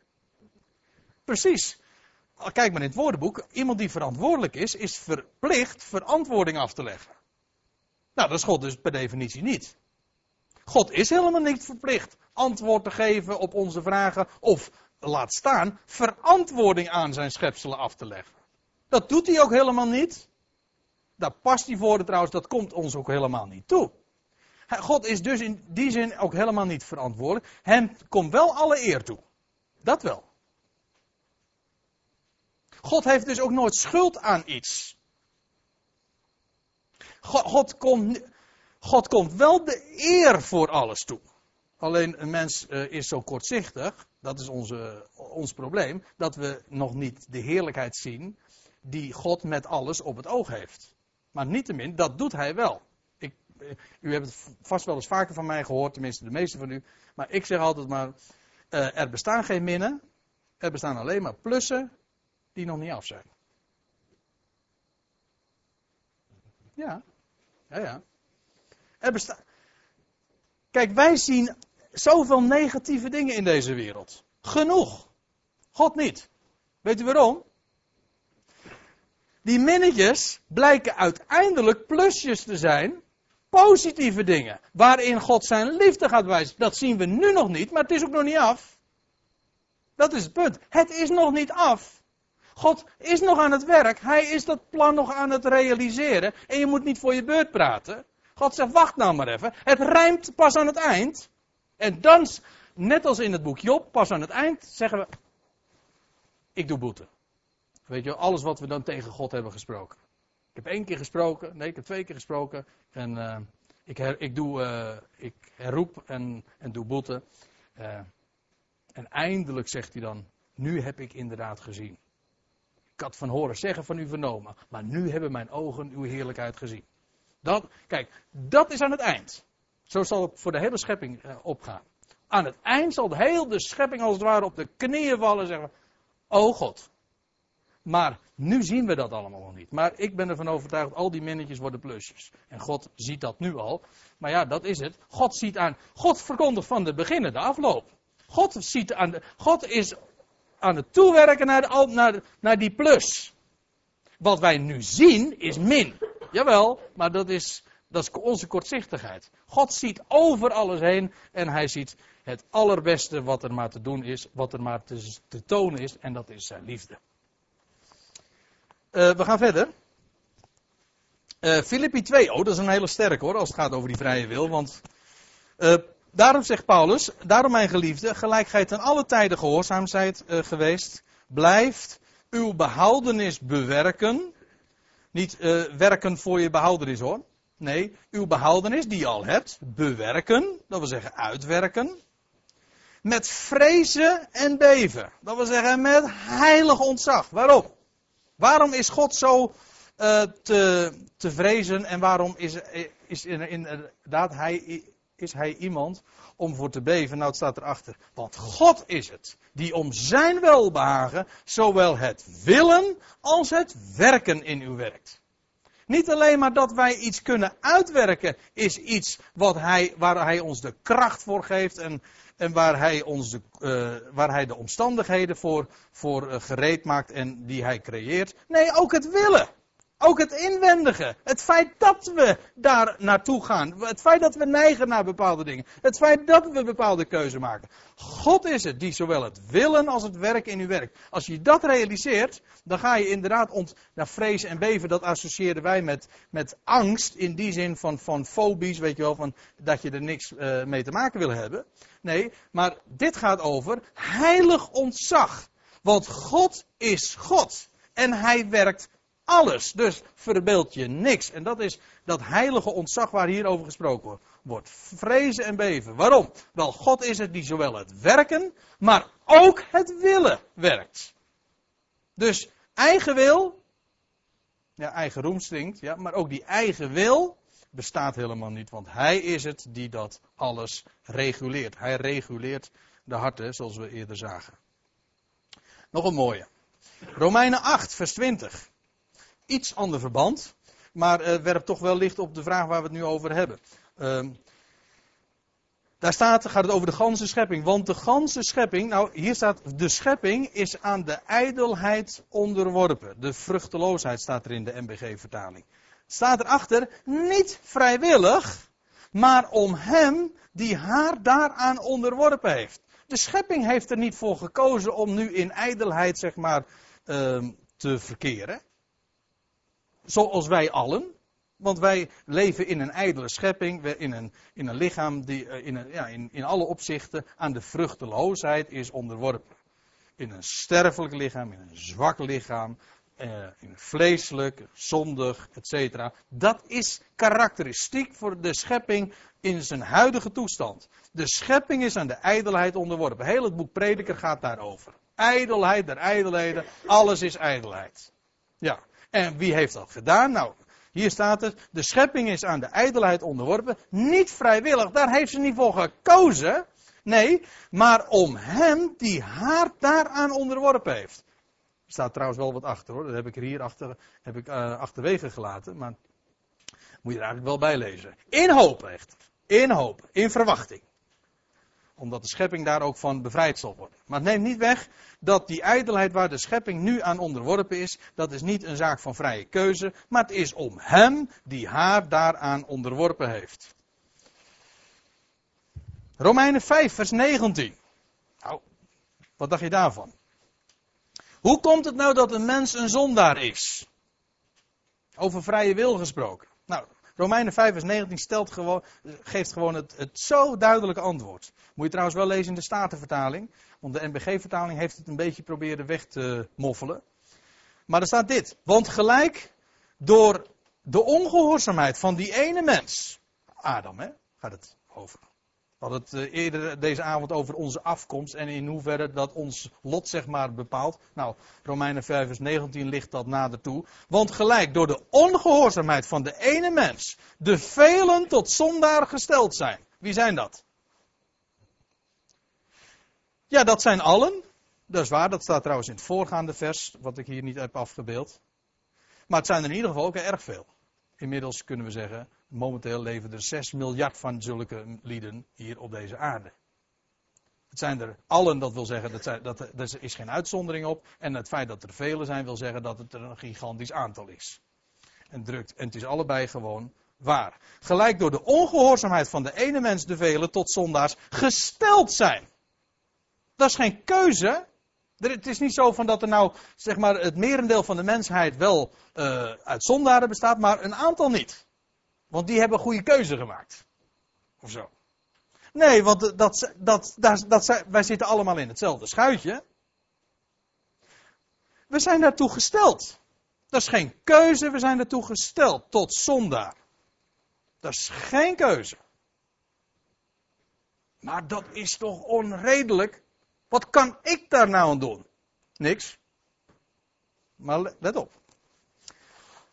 Want, het verhaal krijgt, zo'n, eh, krijgt een happy end, hè? Want je, dit, als je alleen maar nou dit eerste deel zou kennen, daar, daar, daar loop je op stuk. Zeker als je daar nog uh, leeft met het hele Calvinistische idee van God heeft een aantal bestemd voor de hemel en het merendeel voor de hel of zoiets. En dan zeg je ja, ik, heb het, ik kan me herinneren, ik heb zelf ook een Calvinistische achtergrond, niet eens een hele zware, maar ik heb wel een Calvinistische achtergrond. Dus dat denken is mij helemaal niet vreemd. Maar dat hele idee van, ja, je bent een mens, je hebt er niet om gevraagd dat je geboren werd. Ik ben bovendien een zondaar. En vervolgens word, word ik, terwijl ik daartoe gesteld ben, ik had, geen keuze, ben ik bestemd voor de hel. Nou ja, tenzij er iets hè, eh, met mij gaat gebeuren waar ik ook al helemaal geen invloed op heb. Dat is noodlottig. Dat is, dat is echt noodlot. Want dat is namelijk weer, dat is geen God van liefde die zijn schepping een, een plan ontwikkelt en ontvouwt en realiseert met, zijn, met deze wereld. Nee, integendeel, dat is echt noodlot. Maar dan moet je eens even opletten wat er vervolgens staat. Gelijk, ik lees eerst het eerste deel nog. Gelijk door de ongehoorzaamheid van de ene mens de velen tot zondaren gesteld zijn. Alzo zullen ook door de gehoorzaamheid van die ene, Jezus Christus, de velen, dat is hetzelfde als, als die eerste, de velen. Dat zijn gewoon, dat is de hele mensheid. Zoals zullen de velen tot rechtvaardigen gesteld worden. Hebben ze daarom gevraagd? Nee. Worden ze het daarom ook niet? Uh, nou moet ik het even goed. Uh, Ja, ze worden het inderdaad wel. Zo, ik kan die vraag wel degelijk zo stellen. Ze, daar wordt namelijk niet om gevraagd. Het heeft, het, waar het om, gewoon om gaat, ik kan, ik, kan het moeilijk maken. Het is namelijk niet moeilijk.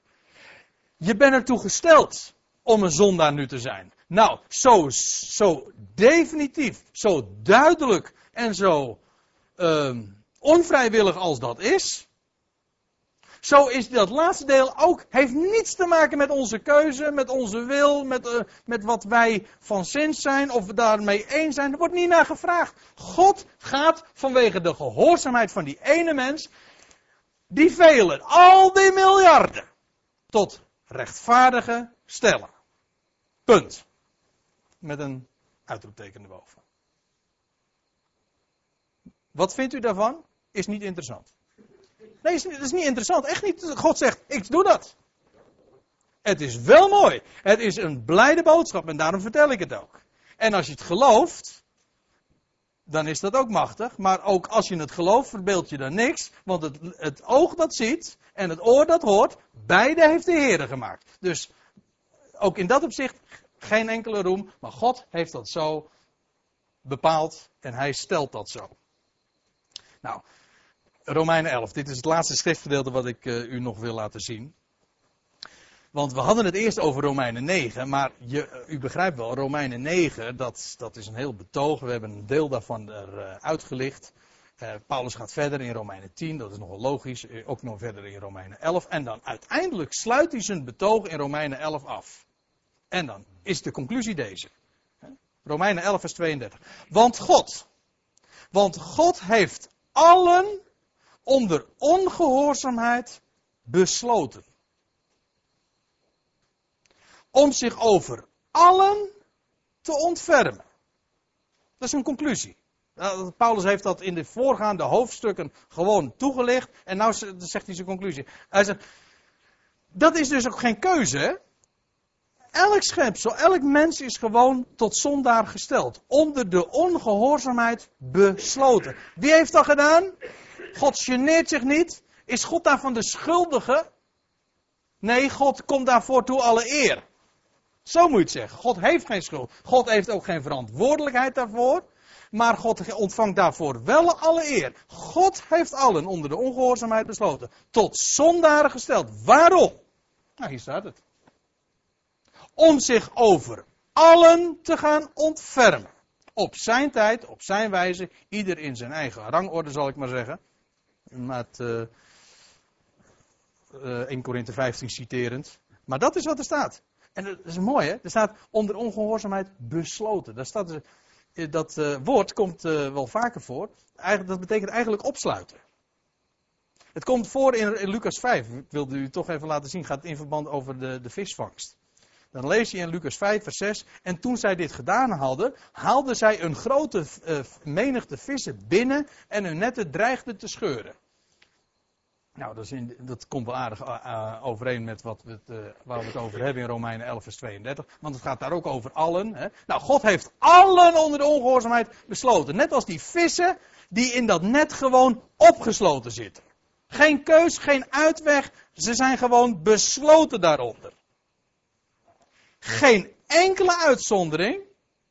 En God doet dat. En waarom heeft hij ze allemaal opgesloten in dat net? We zitten nu gevangen en het wordt, hem, het wordt God kwalijk genomen. God wordt ter verantwoording geroepen en God doet dat niet. Maar God ontvangt wel alle eer. Weet u waarom? Waarom hij ze allemaal opsluit? In die ongehoorzaamheid. Om zich over allen te ontfermen, want dat heeft de laatste woord. Niet degene die wil of die loopt, maar de ontfermende God. En eerst, God, er is, er is rangorde. Eerst de een, dan de ander.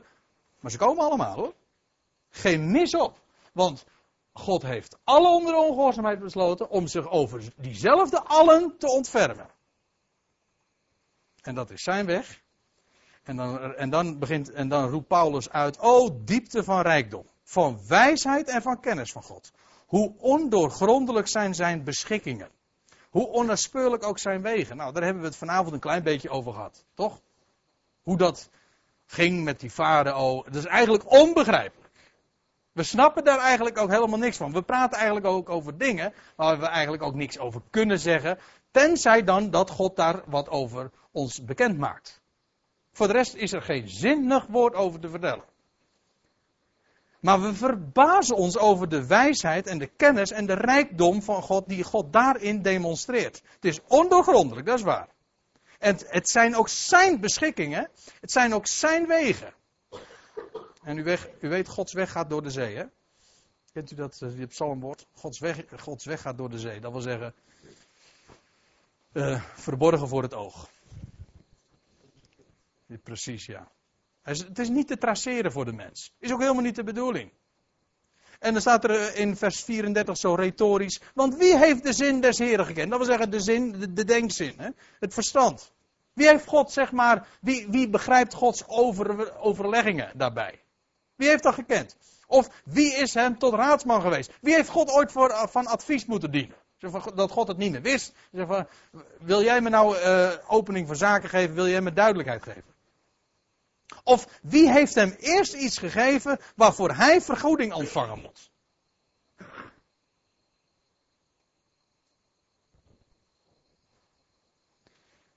En dan is het, eh, dan is het ene antwoord, de, echt, de echte uiteindelijke conclusie, vers 36, Romeinen 11, vers 36.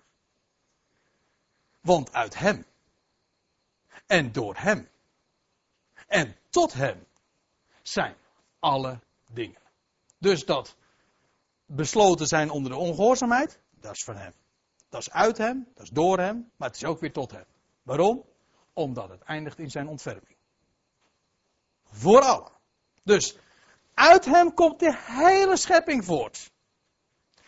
Door hem wordt het allemaal bestuurd en gereguleerd. Wat er ook besloten wordt, wat er ook gewikt wordt, welke gang de mens ook gaat. God gaat daar op een onbegrijpelijke wijze zijn weg in. Denk maar aan de geschiedenis van Jozef. Onbegrijpelijk. Je, je snapt er helemaal niks van. Dat is ook helemaal niet de bedoeling. Als je maar dit ziet.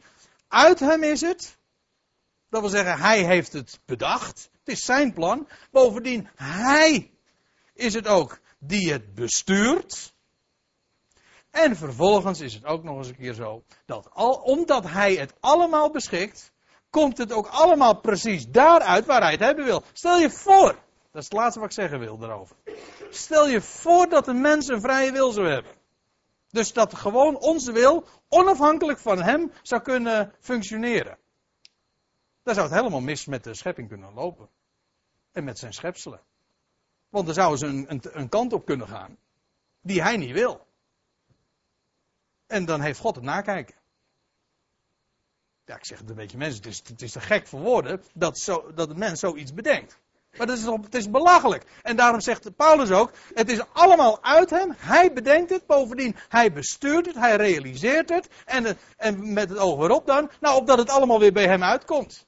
Zodat er dus uiteindelijk, en dat vind ik het altijd het allermooiste, zodat er uiteindelijk dus helemaal niks mis is gegaan. Nou zegt God, ik ontvang hiervoor de eer. Want zijn liefde zal straks stralen als niets anders. En dan zal ook die over, vergis je niet, zal straks zijn knieën buigen. En ook zijn tong zal beleiden, Jezus is Heer. En ik denk wel eens een keer, hij zal straks nog het hardst roepen. Ik, daar ben ik zeker van. Ja, want wie. Uh... Precies, ja. Wie het meest vergeven is, die heeft het meeste lief. Kortom, alle roem is uitgesloten. Nou, daar wilde ik het uh, maar bij laten. En ik stel voor dat we dat met elkaar zingen.